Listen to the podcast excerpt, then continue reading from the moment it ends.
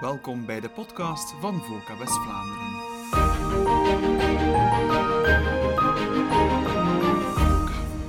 Welkom bij deze podcast van VOCA West-Vlaanderen.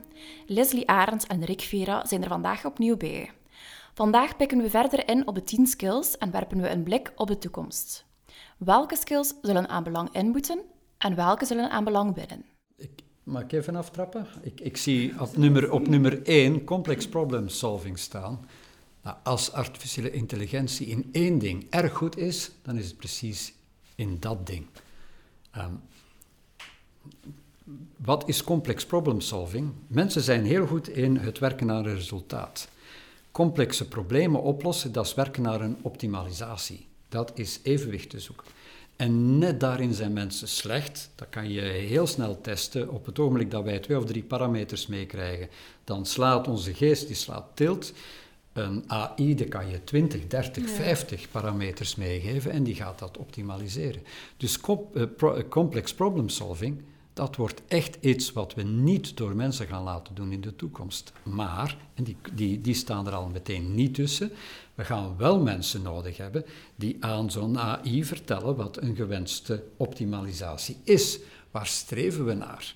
En dat zal altijd met mensen te maken hebben. Dus we gaan bruggenbouwers nodig hebben, een soort translators nodig hebben tussen AI en mensen en mensen en AI. En ik zie die skills hier niet tussen staan. En die gaan we in de toekomst wel nodig hebben. Mhm. Dus die eerste skill die in 2015 en 2020 er al stond, daar zie ik echt de relevantie niet van in de toekomst. En dan is er een heel belangrijke die ik niet zie staan, en dat is die vertaalfunctie. Ja. Er is ook geen enkele opleiding. Hè? Wie wordt er nu opgeleid om tegelijkertijd menswetenschapper te zijn en goed te weten hoe een AI in elkaar zit? Je moet nu of eh, een soort technologieopleiding volgen, of je volgt een opleiding menswetenschappen. En je kan die niet combineren met elkaar. Nou, dat is precies wat we in de toekomst gaan moeten doen, die twee met elkaar combineren. Dus dat is een oproep ook aan de universiteit. Ik uh, doe mij denken ik aan wat, uh, ik ga ze toch bij naam noemen, want het is een van de vrouwen die mij enorm heeft geïnspireerd. Els de Nijs is een leerkracht, de Engelse correspondentie als ik marketing studeerde nog. En um, zij praten met een heel Gentse tongval, ik ga het maar niet nadoen. Maar um, zij heeft toen, en ik ben ondertussen 46, dus dat is niet van gisteren hè, dat ze dat zei. Um, zij heeft toen gezegd van kijk, uh, ze richtte zich naar mij op basis van een of andere opmerking, zegt ze, de toekomst, de, de jobs in de toekomst, dat gaat eigenlijk bestaan in mensen die twee uiteenlopende skills kunnen combineren. En ze zei toen, vandaag is dat al common. Hè. Ik bedoel, marketing en data, logisch.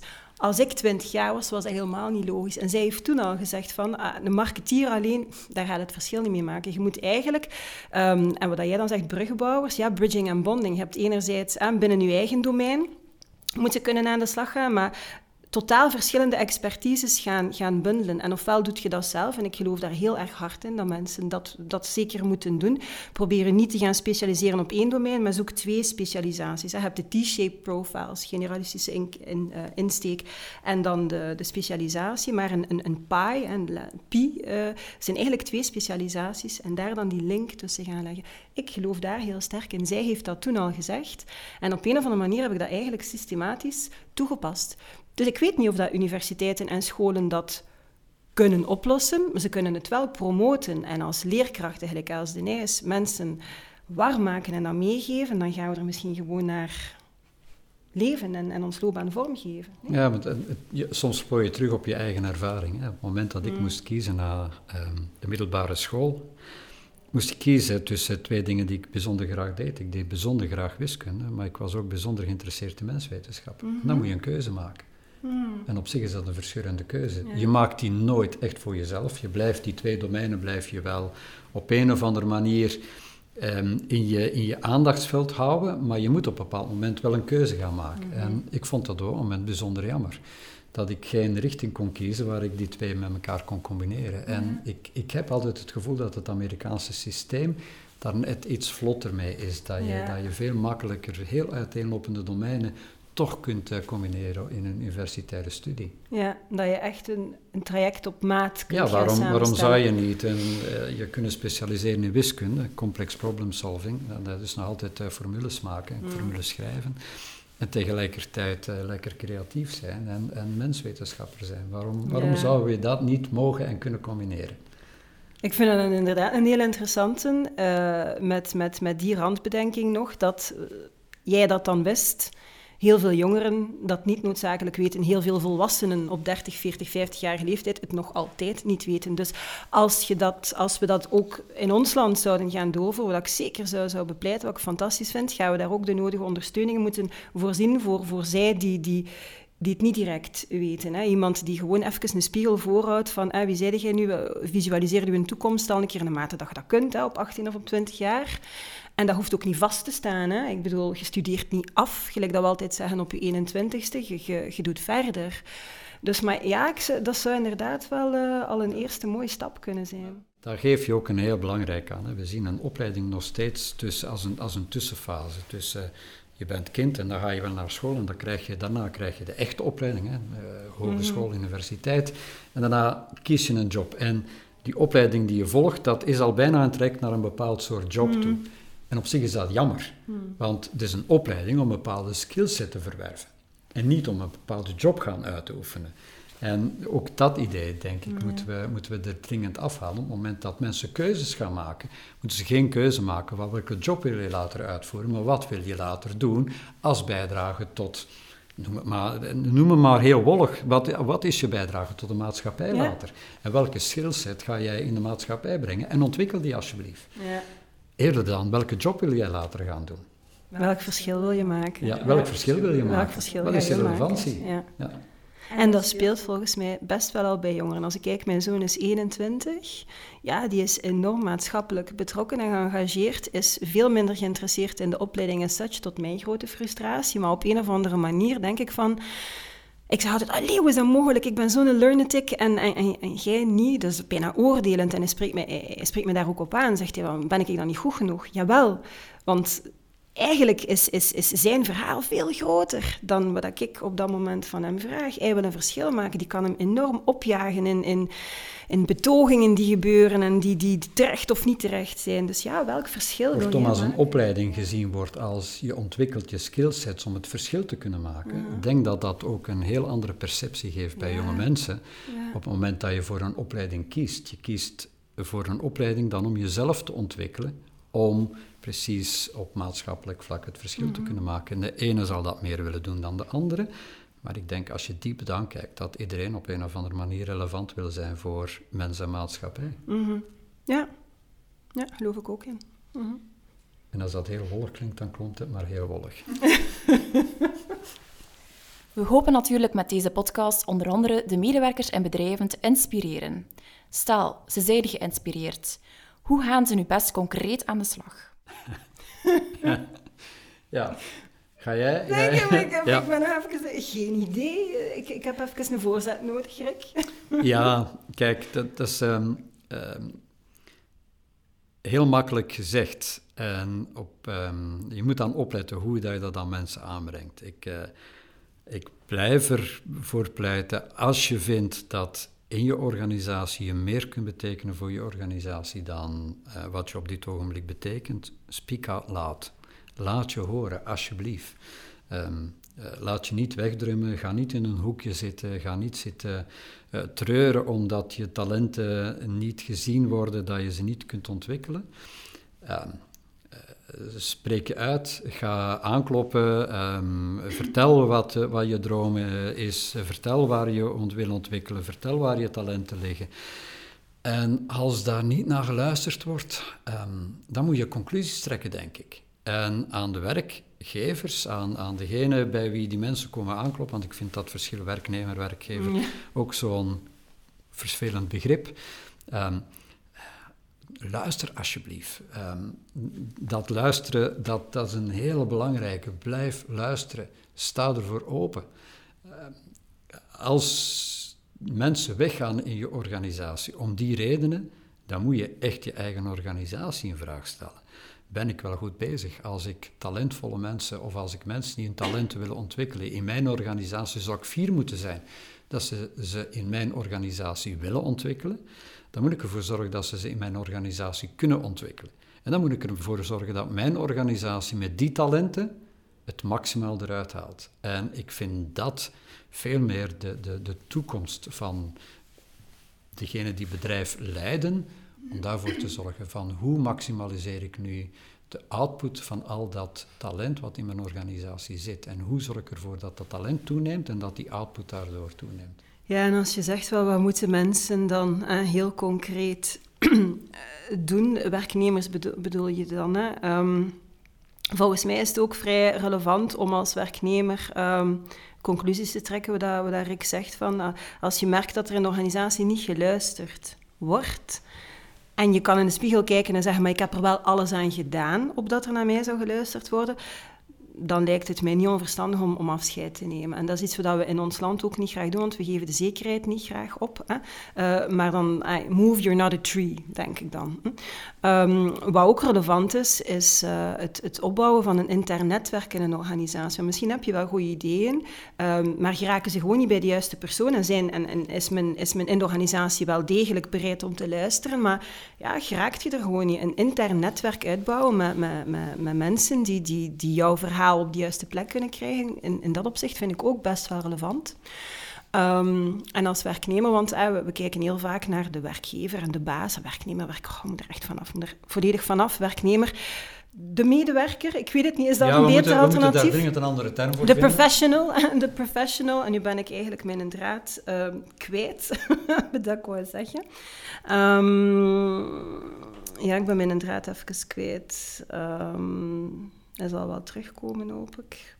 Maar in ieder geval moet, moet de, de, de professional... Ja, we mogen niet alleen naar de baas kijken die het niet ziet. Uh, als professional heb je ook zelf een verantwoordelijkheid. Um, je moet ook naar jezelf kijken en, en zeggen, ja, wil ik, wil ik dat hier? Durf ik dat hier? En kan ik dat hier? Dat heeft niet alleen te maken met een skillset, maar ook met, met, met een mindset. Dus wat moeten medewerkers misschien ook moeten, nog zo'n lelijk woord, wat zouden medewerkers en professionals ook kunnen doen om, uh, om, om vooruit te geraken daarin, is, is in de spiegel kijken en zeggen van, hoe sta ik er eigenlijk zelf in? Heb ik heb ik zelf wel goesting en durf en lef om hiermee aan de slag te gaan? Heb ik al geprobeerd om dat met collega's, leidinggevende, CEO, HR, whoever, te bespreken? Het is wel heel makkelijk om altijd naar boven te kijken en te zeggen hij moet het maar oplossen of zij moet het maar doen of de overheid moet maar uh, iets uh, verzinnen. we zijn verdorie ook zelf verantwoordelijk. Hè? Achter het stuur van uw loopbaan, we zeggen dat precies al jaren. Ah, ik vind dat echt... het is een minderheid van mensen die aan het stuur van de loopbaan zitten. Ze zitten er zelfs niet naast. Ze zitten gewoon achteraan. En vooraan zit een baas en de overheid. En zij zitten achteraan met een kavatje van los het maar op. Ai, uiteraard, is, dus, ik ben een beetje misschien wat, scherp aan het zelf op flessen aan trekken. Maar dat, dat gevoel heb ik soms. Dat mensen veel te makkelijk en te graag het initiatief bij iemand anders leggen. Vanuit het idee dat ze er dan zelf van verlost worden. Ik vind dat niet. Ja. Het komt... Uh uh, alles wat we hier aan het zeggen zijn, komt eigenlijk altijd terug op cultuur, de cultuur in een organisatie. Mm.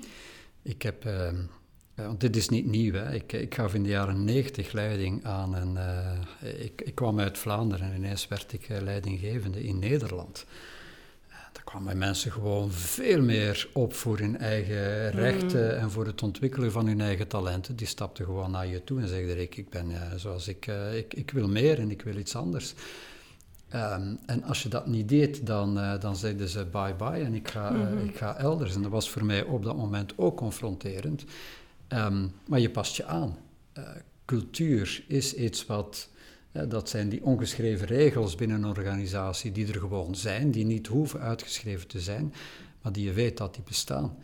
ik, rijd, ik, laat, ik raad alle bedrijfsleiders aan om een keer, en dat blijft een ongelooflijk interessante studie, er is een studie over Nokia waarom Nokia de, de oorlog om de smartphones gemist heeft. En er is een studie gemaakt in combinatie tussen de Aalto Business University in, uh, in Finland en INSEAD in Singapore. En um, dat is echt een studie, dat is een whitepaper, je kan hem vinden online, die is echt de moeite waard om te lezen. En die zegt de reden waarom Nokia gefaald heeft, was de cultuur van de organisatie. En ze geven een aantal elementen van dit was de Nokia-cultuur. En dan geven ze ook een aantal aanbevelingen van hoe je dan wel een cultuur moet bouwen om precies dat niet te overkomen. En nou, het bestek is hier even te kort om dit, uh, om dit allemaal toe te lichten, maar ik raad aan om echt die studie een keer te lezen en om dan te kijken wat het belang is van cultuur. En dan kom ik terug op wat ik uh, al eerder gezegd heb. Je mag mensen met al deze skills hebben als culturele fit tussen je organisatie en wat de cultuur van je organisatie is. En mensen met deze skillset er niet is, dan of die mensen komen niet in je organisatie werken, of die komen niet uit hun recht, of die gaan lopen. Mm. Cultuur. Ja. Naast cultuur, misschien een beetje een rare sprong, gaan we naar technologie. Hoe zouden jullie de rol van technologie omschrijven? En moeten we dit als vanzelfsprekend beschouwen? Wordt het in de toekomst steeds belangrijker? Ja, ik denk dat iedereen het daar wel over eens wordt. Is, hè? Dat het, wordt uh, belangrijk. Je moet een keer kijken. Het, het, het, het, het um, uh, Eric Smit van Google zei ooit, ik denk het is een jaar of vijf, zes geleden, um, het internet gaat verdwijnen. Het internet is verdwenen. We denken er niet meer bij na. Het internet is weg. Het internet is overal, dus het internet is weg. Als je een leeftijdcheck wil doen, dan moet je een, een, digitale camera op tafel zetten en aan jonge mensen vragen wat dat is. Dat is gewoon een camera. Het woordje digitaal is ook verdwenen. Dus de vraag hoe belangrijk technologie is, op het moment dat technologie zo'n onderdeel van ons leven is geworden, dat de adjectieven die met technologie te maken hebben verdwijnen uit ons taal, ja, dan is technologie gewoon een onderdeel van je dagelijkse bestaan, van je dagelijkse leven. We leiden ons leven nu eenmaal uit onze smartphone en we leiden ons leven nu eenmaal met technologie. Dus de vraag hoe belangrijk technologie is, je kan het nooit voldoende inschatten hoe belangrijk het is. Het is zo belangrijk geworden dat we het niet meer merken. En op het moment dat je het niet meer merkt, en dat vind ik dan het, het vervelende, dat is als mens merk je het niet meer, maar als bedrijf denk je er nog altijd over na. Dat betekent dus dat je nog altijd in twee werelden denkt. Onze, onze bedrijfswereld en dan, god, ja, die technologie, wat moeten we daar nu precies mee doen? Terwijl in het leven van je klanten, maar ook in het leven van die, alweer dat vieze woord, medewerkers, is, en je eigen leven, is technologie gewoon je leven. En, en ik, ik hou hier nog een keer een, een, een pleidooi om te stoppen om daar twee werelden van te maken. Uh, het mooiste woord wat ik de afgelopen periode geleerd heb, en de eerste keer dat ik het tegenkwam was bij Alibaba, um, het woordje Homo sapiens. Online muitjes wit offline, offline muitjes wit online. Er zijn geen twee werelden meer. Er is geen off- en online wereld meer. Er is geen wereld met en zonder technologie. Het is één wereld geworden. En dus als we een strategie ontwikkelen als bedrijf en we ontwikkelen een offline en een online strategie, dan maken we al van beide design maken we al de fout. En hetzelfde geldt met hoe we met onze mensen omgaan. Ehm, als we een onderscheid maken, zo gaan we er mens tot mens mee om en zo gaan we er via de technologie mee om, dan maken we een fout. Mhm. Ja, want het is effectief. Het is alsof dat nog parallele werelden zijn, effectief. En dan moet ik ook denken aan, aan, uh, aan, die serie. ik ben even zijn naam kwijt. Maar kijk, The Stranger Things was het, wat je de, de, de Upside Down, ook een stukje in, in uw boek hebt je het er ook over, uh, over gehad, Erik. En ik herinner me zelfs dat we het over dit um, aspect ook gehad hebben, online uh, mergers with, uh, with ja. offline. Um, het, het, zit, het zit eigenlijk gewoon in ons en, en in ons leven is dat zo. Het bedrijfsleven loopt daar achteraan en probeert alles er een digitale saus over te gieten om, om, om zo dan toch maar mee te zijn. Zo werkt het uiteraard niet. Dus tuurlijk gaat dat alleen maar belangrijker worden. En volgens mij gaat dat dan, betekent dat dan als we terug naar de skills um, misschien gaan, dat je enerzijds echt wel mensen nodig hebt die daar heel sterk in zijn. Maar anderzijds dat je mensen gaat nodig hebben die heel sterk zijn in wat ik dan alles met hospitality noem. Hè.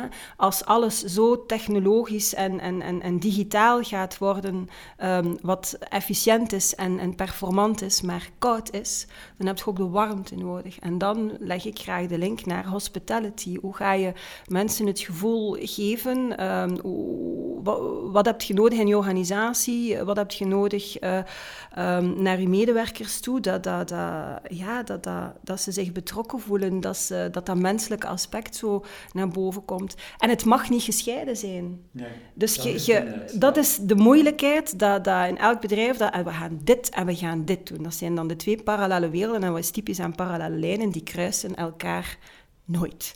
Dus dat is dramatisch. ja. Je moet daar dus DNA-strings van maken. Die mogen elkaar af en toe, die mogen elkaar af en toe kruisen. Ik blijf de, de symboliek in die, in die film Avatar zo mooi vinden.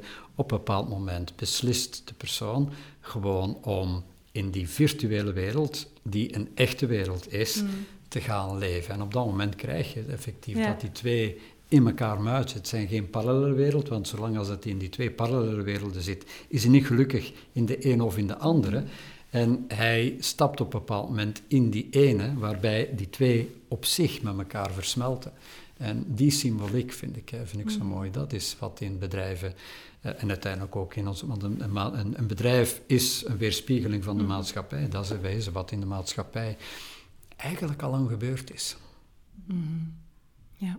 Wat zijn volgens jullie de jobs van de toekomst?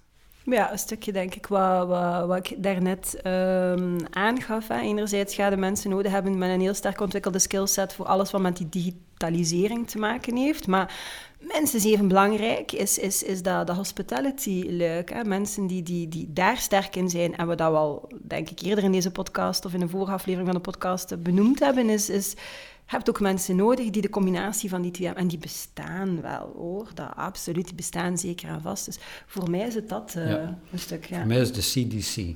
De? De CDC, de Chief Dream Catcher. Ja.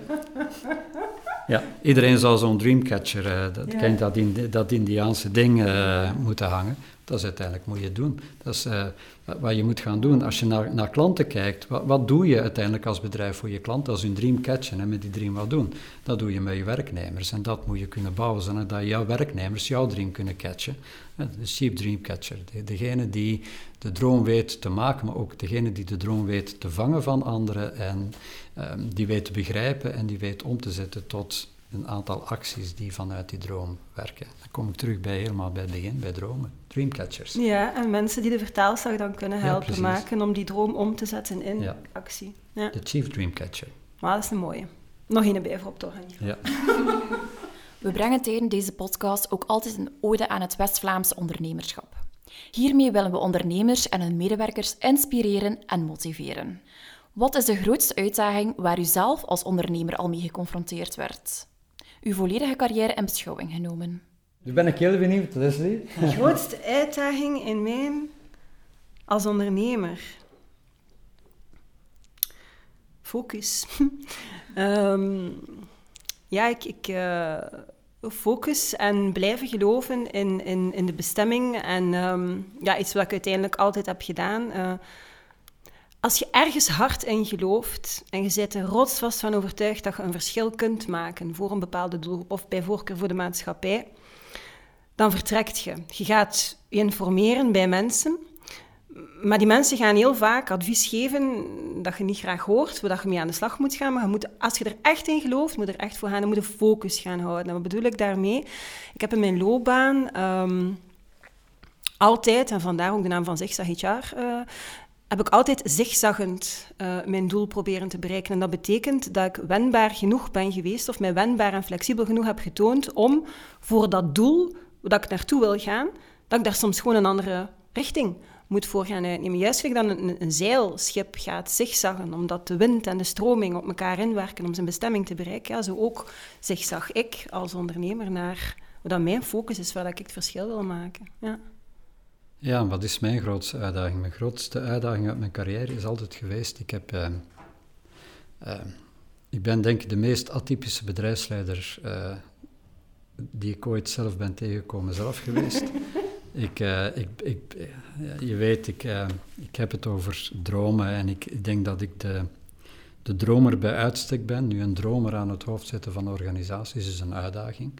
Meestal voor de uitdaging zelf en voor de mensen, want eh, je, bent, je staat nooit alleen. Je rapporteert aan een raad van bestuur of je rapporteert aan een raad van commissarissen. Ehm, en dan moet je uitleggen dat je een dromer bent en dat een heel pak van die dromen, die hebben nog geen business case. Ehm, en dat is constant mijn uitdaging geweest. Uh, ik hield er niet van om, om uh, business cases invulling te geven die te makkelijk waren. Hè. Rond de kerktoren is het heel makkelijk om een business case in te vullen.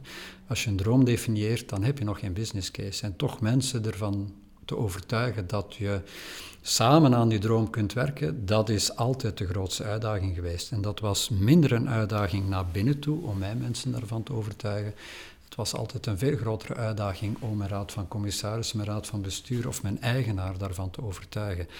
En ik heb uh, dat ook gedaan in een West-Vlaamse context. Ik heb uh, zeven actieve jaren voor Jan de Klerk gewerkt. En ik kan je aangeven, de eerste zes maanden was dat water, bloed, zweet en tranen. En daarna was dat de ik krijg er terug kippenvel van, de best mogelijke samenwerking die ik ooit gehad heb.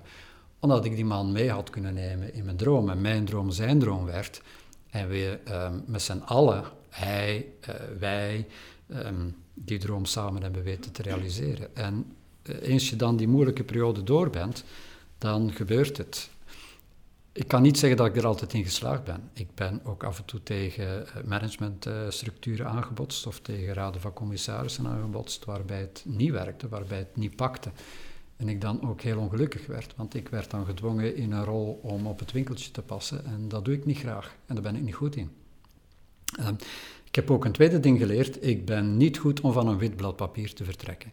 Ik werk heel graag met bouwstenen, ik werk heel graag met de dingen die er zijn Um, ik heb als kind altijd graag met Lego gespeeld en ik denk dat dat uh, de reden is. Ik heb graag bouwsteentjes waar ik nieuwe dingen mee kan doen. Ik volgde als kind, als ik Lego had, nooit het plan, want dat vond ik saai, maar ik maakte er mijn eigen dingen mee. Um, en dat doe ik nog steeds met bedrijven, maar echt een wit blad papier en je moet zelf die Lego-steentjes gaan maken. Dat, uh, dat vind ik te lastig, dat is, uh, dat, dat is mijn ding niet. Dus ik heb ook geleerd dat ik, ik kan start-ups begeleiden eens dat er wat, wat bouwstenen liggen vraag me niet om een start-up te beginnen, want dat is ook mijn ding niet. Het jaarthema van onze nieuwe recepties was Durf blijven dromen. En kon, zonder dat we het eigenlijk wisten, niet toepasselijker zijn. Waar droomt u nog van? En waar ik van droom zelf? Um, uh, de, dromen ze worden eerst groter en dan worden ze kleiner. Ik, uh, mijn droom is om... Ik, ik ga nu vaak naar de mensen toe, tenminste pre-covid. Uh, mijn droom is altijd geweest om te kijken hoe ik mijn boodschap kan verspreiden door um, meer thuis te zijn en minder te reizen. En, en misschien is COVID-19 daarin wel een versneller geweest. En u, Leslie, waar droomt u nog over? Ja, ik, uh, waar droom ik nog van? Van alles, uh, heb ik uh, de indruk. Ik vind, ik vind het een zeer lastige vraag. Ik, ik droom sowieso altijd niet groot, maar groter. Een van mijn mentoren die altijd, you have to dream big. En ik zei altijd, you have to dream bigger. Je moet het iets groter zien. Dat wil niet zeggen megalomaner, maar groter. En misschien komt het wel een stukje neer op als ik kijk naar, naar mijzelf en mijn loopbaan en wat ik in mijn loopbaan heb gedaan. En, Eerst uh, als, als zelfstandig, uh, eigenlijk ja, eerst als zelfstandig uitbater in een horecazaak, dan als vastbenoemd ambtenaar, medewerker, directeur in een organisatie, zelfstandig, ondertussen ondernemer. Dat verschil maken heeft er eigenlijk altijd in gezeten, omdat ik heb zelf een, een ik noem dat echt wel een atypisch loopbaanparcours, en zeker een initiële leerloopbaan was, was vrij atypisch. En ik ben daarin geslaagd. Um, en dat heeft mij zoveel verrijking opgebracht dat ik daar precies van, van, van doordrongen ben geraakt. Van mannetjes, moest iedereen ditzelfde nu kunnen ondervinden van als een keer ergens fout gaat in je leven of je maakt een fout of je komt in een situatie die je zelf niet hebt veroorzaakt, maar je moet er nu eenmaal door als je vastpakt en, en, en, en, en je geeft vorm aan je loopbaan en je durft naar mensen gaan en je durft je laten omringen en ondersteunen, vragen stellen, dan lukt dat. Dus ik denk, mijn, mijn grote droom is zoveel mogelijk mensen op eender welke manier helpen tot dat inzicht te brengen dat je zoveel aan je eigen leven kunt doen. Het is nooit te laat, het is nooit zo dramatisch dat je helemaal vastzit, maar je gaat wel je mond moeten open doen en de vraag durven stellen van ik zie het even niet meer, uh, kan er me iemand helpen? En ik heb dat gedaan en ja, dat, ik denk dat, ja. ja. Dat is mooi om je af te sluiten. Ik wil jullie alvast hartelijk bedanken voor jullie inzichten.